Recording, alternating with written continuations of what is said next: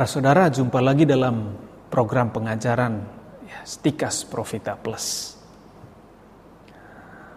Suatu saat saya sedang berada di negeri Belanda, saya bertemu dengan seorang bapak yang sudah menjadi warga negara Belanda cukup lama, tetapi masih sering berkumpul dengan teman-teman sesama ekspatria Indonesia. Sebetulnya kami sudah beberapa kali bertemu sebelumnya sehingga sedikit banyak saya mengenalnya. Pada saat itu, saat saya ketemu dengan dia suatu hari, ya saya menanyakan hal biasa sebetulnya kepadanya tentang ya bagaimana kabarnya dia. Saya mendapat jawaban yang mengejutkan sebetulnya. Mengejutkan karena jarang bahkan tidak pernah saya dengar dari seseorang ya dari orang yang usianya seperti dia yang tinggal di Indonesia. Dia katakan begini, Romo, saya sangat menikmati hidup saya. Dengan berulang-ulang dia mengatakan, saya sangat menikmati hidup saya. Ya, dia ngomong begitu di hadapan saya. Ya, anak-anaknya semua sudah mandiri, dan berkeluarga. Pagi dia bangun lalu bekerja, belanja kebutuhan sehari-hari, bersih-bersih rumah.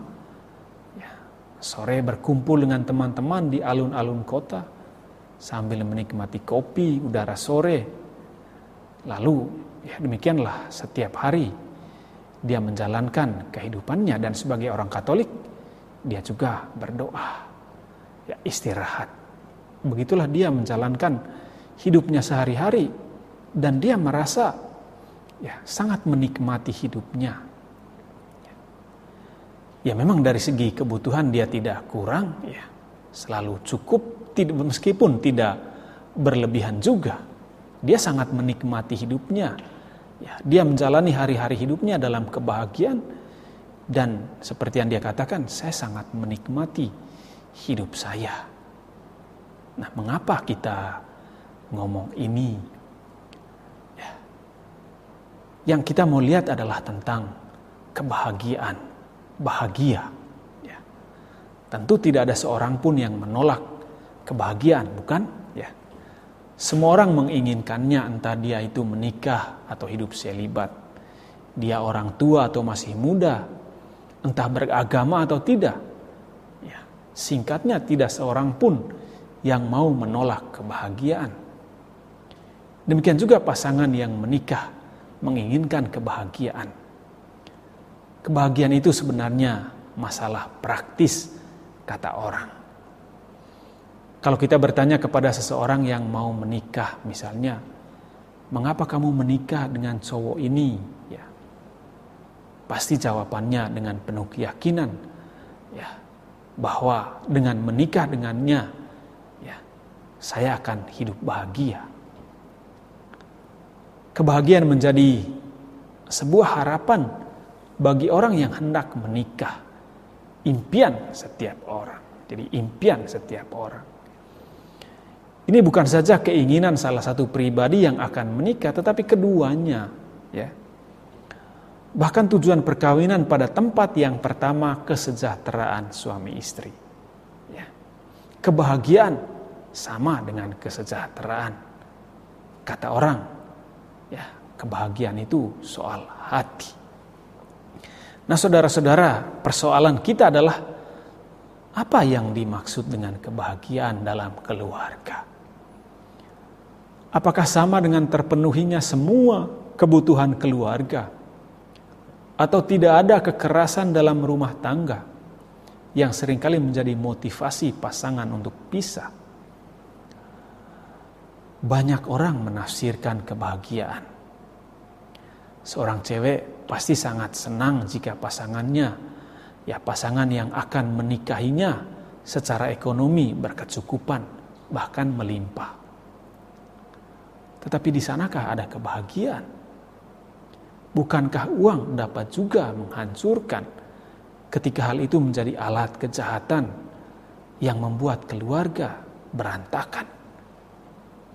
Seorang suami yang memiliki banyak uang bisa ya seenaknya menambah istri menikah lagi karena merasa mampu membiayai ya dua istri sekaligus. Tentu banyak orang tentu banyak yang terjadi seperti ini. Demikian juga seorang yang terpengaruh oleh mentalitas konsumerisme ya dengan membeli dan membeli barang-barang mewah ya karena dia memiliki banyak uang tetapi hatinya tetap kosong Kekayaan dan uang memang bisa membeli segalanya. Barang-barang, rekreasi, tetapi tidak pernah bisa mengisi kekosongan hati manusia. Sekali lagi, uang tidak bisa mengisi kekosongan hati manusia. Banyak orang mengejar kekayaan, uang. Ya, dalam bahasa sekarang, banyak orang yang mau menikah pasangan ini dan itu. Kadang-kadang bukan karena cinta, melainkan demi harta. Ya. Banyak orang yang ingin hidupnya nyaman karena banyak uang. Tetapi benarkah uang atau kekayaan memberi kenyamanan, saudara-saudara? Pengalaman orang yang hidup berkeluarga akan menjawabnya. Banyak masyarakat kita entah laki-laki atau perempuan sama saja ya. Hidup ya dalam berkelimpangan harta ya materialistis ya. Hidup dalam kemewahan. Tapi apakah kebahagiaan itu identik dengan kemewahan? Tentu saja tidak. Banyak keluarga yang hidupnya pas-pasan bahkan dapat digolongkan sebagai orang yang miskin secara ekonomi namun hati mereka bahagia jelas bahwa kebahagiaan suami istri tidak terkandung hanya pada banyaknya harta, banyaknya uang, kekayaan, meskipun hidup ini tidak bisa pisah dari uang karena tuntutan hidup zaman sekarang. Di pihak lain juga, ketiadaan uang bisa juga membuat keluarga berada dalam kesulitan. Ya, meskipun tidak semuanya. Lalu apakah kebahagiaan itu terkandung dalam perawakan dan penampilan wajah yang cantik, ganteng misalnya? Mari kita lihat, ya, seorang perempuan pasti ingin menikah dengan cowok idamannya yang secara fisik menarik, gagah, tampan. Ya. Demikian juga seorang laki-laki ingin menikah dengan pasangan yang cantik dan menawan. Hal ini real, bukan? Tentu tidak ada cewek yang normal yang mau menikah dengan cowok yang jelek dan sebaliknya. Tetapi apakah kebahagiaan di sana? Bukankah sering kali kecantikan dan ketampanan itu bisa menipu kata orang? Penampilan sering kali sifatnya ya artifisial. Orang dapat mengubah penampilan wajahnya dengan lebih menarik melalui operasi plastik misalnya. Ketampanan dan kecantikan hanyalah penampilan luar. Ya. Dan akan berubah seiring dengan ya, bertambahnya usia. Suatu saat orang tidak menarik lagi, tidak cantik atau ganteng lagi. Di situlah kita paham kebahagiaan bukan di sana, bukan pada penampilan fisik. Bukankah para aktor dan aktris ya akhirnya juga rumah tangganya hancur karena merasa tidak bahagia dalam keluarganya? Padahal mereka itu cantik dan ganteng. Pada saat orang berada dalam masalah kekaguman, ya kekaguman secara fisik, ya pada seseorang karena kecantikan dan kegantengannya akan hancur tanpa sisa sedikit pun. Kecantikan dan kegantengan tidak dapat mengisi kekosongan hati manusia. Seseorang, entah itu laki-laki atau perempuan, sangat senang karena dipuji teman-temannya karena selalu berpenampilan cantik atau awet muda. Namun suatu saat orang menilai bahwa Ibu Teresa dari Kalkuta yang waktu itu umurnya 80 tahun ya sudah bongkok ya keriput ya namun wajahnya menampilkan kebahagiaan yang terpancar dari hatinya, dari batinnya ya. Lalu dinilai sebagai ya, wanita yang paling bahagia ia tidak memiliki apa-apa yang menjadi milik pribadinya. tetapi ia memiliki kebahagiaan yang tidak dimiliki oleh orang-orang yang secara fisik cantik atau ganteng. Ya. Lalu banyak orang yakin bahwa kebahagiaan itu ya, terkandung dalam kenikmatan ya seksual. Ya. Namun ternyata bukan juga di sana. Karena kenikmatan itu tidak pernah ada yang abadi sifatnya. Orang sering kali mencari kenikmatan melalui hidup dalam kemewahan, ya, melalui seks, makanan enak, pemandangan yang indah dan lain-lain. Lalu dia segera bosan olehnya. Semuanya itu sementara sifatnya dan hati manusia tidak pernah terpuaskan oleh hal-hal yang membawanya pada kenikmatan indrawi tadi. Ya. Sekali lagi, hati manusia tidak pernah terpuaskan oleh kenikmatan kenikmatan bukanlah jaminan kebahagiaan keluarga. Lalu banyak orang juga beranggapan bahwa kebahagiaan keluarga terkandung dalam kekuasaan, dalam kesuksesan. Ya.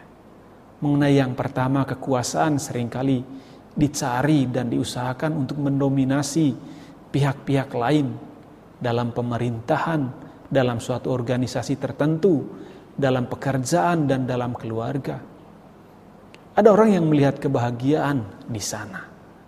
Karena itu, dia akan berjuang keras untuk meraihnya dan sering kali dilakukan dengan intrik-intrik tertentu, bahkan bisa mengorbankan orang lain di sekitarnya. Lalu bagaimana dengan kesuksesan? Tentu semua orang ya, ya mau sukses, ya, mau ingin apa? Ingin hidup dalam kesuksesan. Ya. Hal ini sering kali menjadi patokan, ya, adalah kesuksesan dalam karir. Misalnya seorang suami atau istri bekerja keras dan saling mendukung satu sama lain dalam keluarga, akhirnya berhasil menduduki posisi bahkan puncak tertentu dalam pekerjaannya, di mana dia dihormati, disegani sebagai pemimpin dan tentu saja ya berpendapatan ya tinggi, lebih tinggi gajinya tinggi Kesuksesan juga sering kali dilihat dalam hal misalnya sebuah keluarga berhasil mendidik anak-anak dan menyekolahkan mereka pada pendidikan yang tertinggi gitu di luar negeri. Karir mereka lancar ya dan dalam bahasa kita semua anak berhasil dan orang tua merasa bangga atas hasil yang diperoleh. Tetapi benarkah kebahagiaan itu ada di sana? Benarkah kebahagiaan keluarga, ya, kebahagiaan suami istri ada dalam kesuksesan dan kekuasaan? Nah, saudara-saudara, dari semua yang telah kita uraikan di atas, pertanyaannya tetap sama. Apakah kebahagiaan keluarga ada di sana? Kalau kita berbicara tentang keluarga, berarti kita berbicara tentang kebahagiaan di dunia ini. Dunia dalam arti yang positif tempat keluarga kita tinggal dan berjuang dengan segala macam kesulitan, tantangan yang ada sebagai sebuah keluarga. Kita tidak sedang berbicara tentang kebahagiaan kekal, kebahagiaan sempurna di surga, sebab kita belum sampai di sana. Di surga tidak ada kesulitan seperti yang dihadapi oleh keluarga zaman sekarang. Di sini dan di dunia ini, sebab di surga semuanya akan seperti malaikat tidak kawin dan tidak dikawinkan kata Tuhan Yesus dalam Injil Matius pasal 22 ayat 30. Kita masih di bumi ini, kita masih memiliki tubuh dan tuntutan-tuntutannya. Di satu pihak kita juga harus realistis dengan hidup ini. Kita tidak bisa mengatakan secara ekstrim bahwa kebahagiaan sama sekali tidak terkandung dalam hal-hal yang disebut di atas. Jadi semuanya harus ditolak bukan itu. Ingat bahwa keluarga kita masih ada di dunia ini. Tetapi di pihak lain, kita juga harus realistis untuk melihat semuanya itu secara kritis dan seimbang. Sehingga kita tidak dapat juga mengatakan bahwa kebahagiaan manusia hanya ada dalam hal-hal itu. Hanya ada dalam kekayaan, kehormatan, penampilan yang menarik, kesuksesan, kekuasaan, ya kenikmatan dan lain-lain. Sesungguhnya kebahagiaan ya, pasangan suami istri sangat sulit untuk dilukiskan. Nah, saya sendiri berpikir cukup keras tentang hal ini. Kebahagiaan tidak lain adalah ya minimal yang kita ingin capai di dunia ini adalah sebuah rasa nyaman, rasa sukacita dengan tersedianya misalnya kebutuhan-kebutuhan mendasar dalam keluarga. Kita semua memerlukan uang, tetapi jangan jadikan uang sebagai patokan kebahagiaan. Uang adalah sarana. Fakta mengajarkan bahwa orang yang hidupnya tidak kekurangan dari segi keuangan belum tentu bahagia. Ya, demikian juga kehormatan. Kita perlu kehormatan, tetapi kebahagiaan itu tidak sepenuhnya di sana. Kenikmatan hidup perlu karena kita adalah makhluk yang memiliki tubuh, tetapi kebahagiaan ya, tidak sepenuhnya ada di sana. Kekuasaan dan kesuksesan itu perlu dalam hidup, tetapi kebahagiaan tidak sepenuhnya ada di sana. Nah, fakta menunjukkan kepada kita bahwa tidak ada kebahagiaan sempurna dalam perkawinan. Tetapi bukan berarti tidak ada kebahagiaan sama sekali. Hidup ini jangan terlalu pesimis. Dalam perkawinan ada komitmen, ada pengorbanan tanpa keduanya, keluarga tidak akan bertahan. Cinta dan kebahagiaan harus dibarengi dengan air mata. Ada perjuangan, ada rata tangis. Seperti yang dikatakan dengan menarik oleh Paus Fransiskus. Ya, sukacita perkawinan dapat dialami meski di tengah-tengah kesedihan. Hal itu berarti menerima bahwa perkawinan merupakan perpaduan yang tak terelakkan dari sukacita dan kesukaran, ketegangan dan istirahat, kesakitan dan kelegaan, kepuasan dan kerinduan, gangguan dan kesenangan. Tetapi selalu dalam jalur persahabatan yang mendorong pasangan suami istri peduli satu sama lain. Mereka menolong dan melayani satu sama lain. Ya. Saya berusaha mencari sebuah kata yang dapat melukiskan makna kebahagiaan dalam keluarga.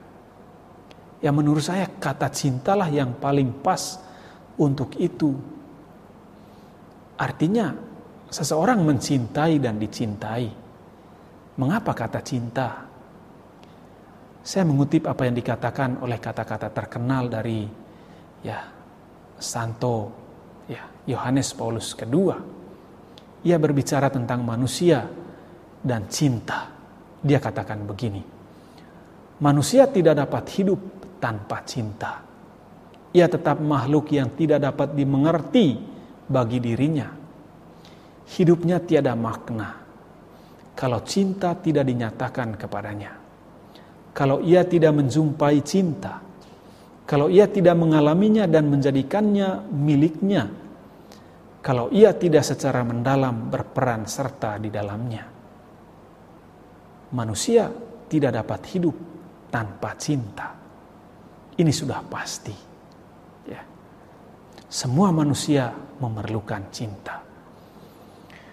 Lalu karena cinta adalah awal yang membuat seorang perempuan tertarik dengan seorang laki-laki dan seorang laki-laki dengan seorang perempuan.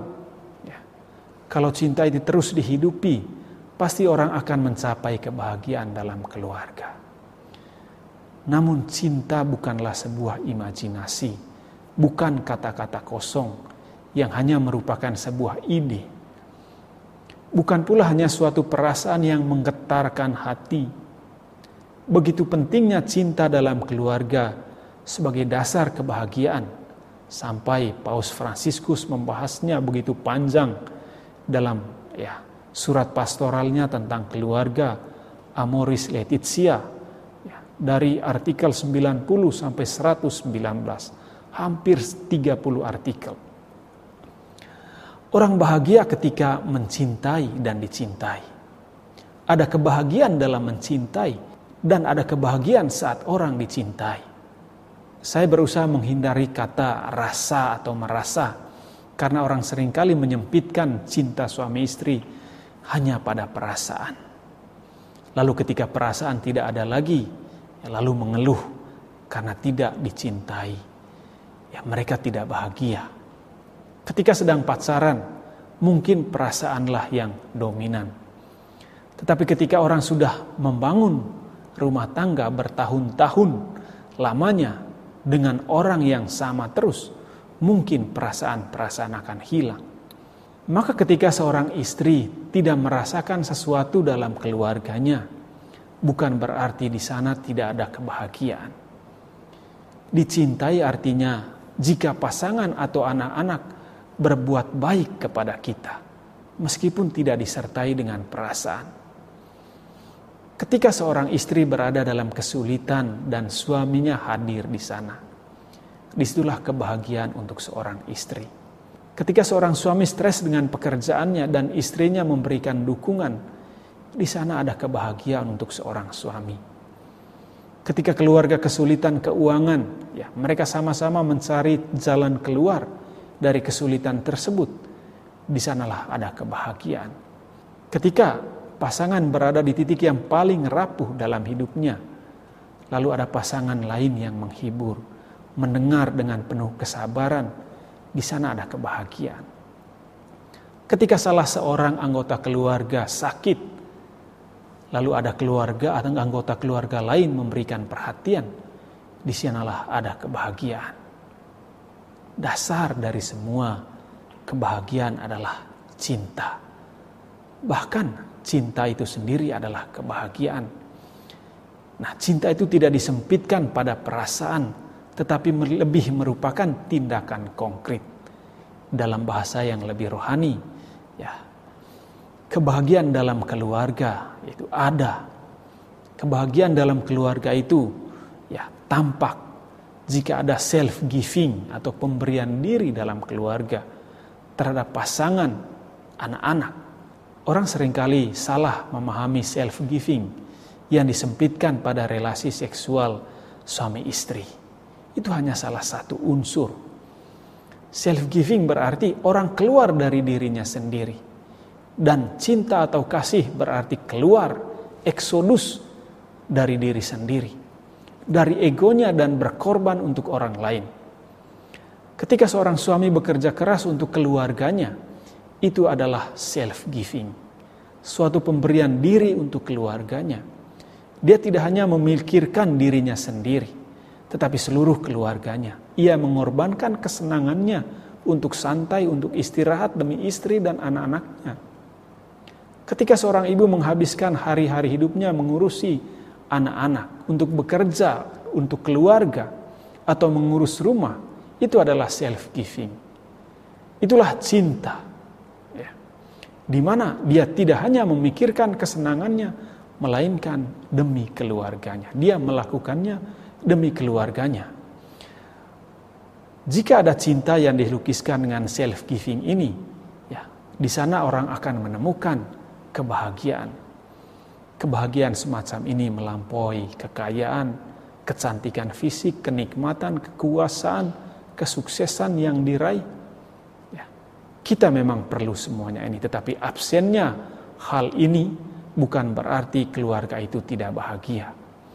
Memang kebahagiaan sempurna tidak pernah kita dapatkan di dunia ini, ya. Karena hal itu hanya ada pada Tuhan. Santo Agustinus mengatakan begini, gelisahlah hati kami sebelum beristirahat di dalam Engkau. Ya. Hanya di dalam Tuhan kita menemukan kebahagiaan sejati.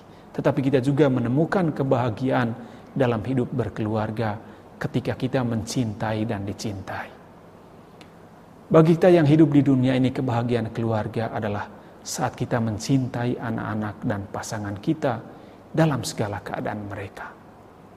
Ada kebahagiaan dalam mencintai. Tidak hanya itu, kebahagiaan dalam keluarga terjadi kalau kita dicintai oleh pasangan dan anak-anak. Mengapa pasangan dan anak-anak? Karena mereka lah orang yang paling dekat dengan kita. Ya, mungkin tidak serumah, tidak tinggal serumah dengan kita, tetapi mereka adalah keluarga kita.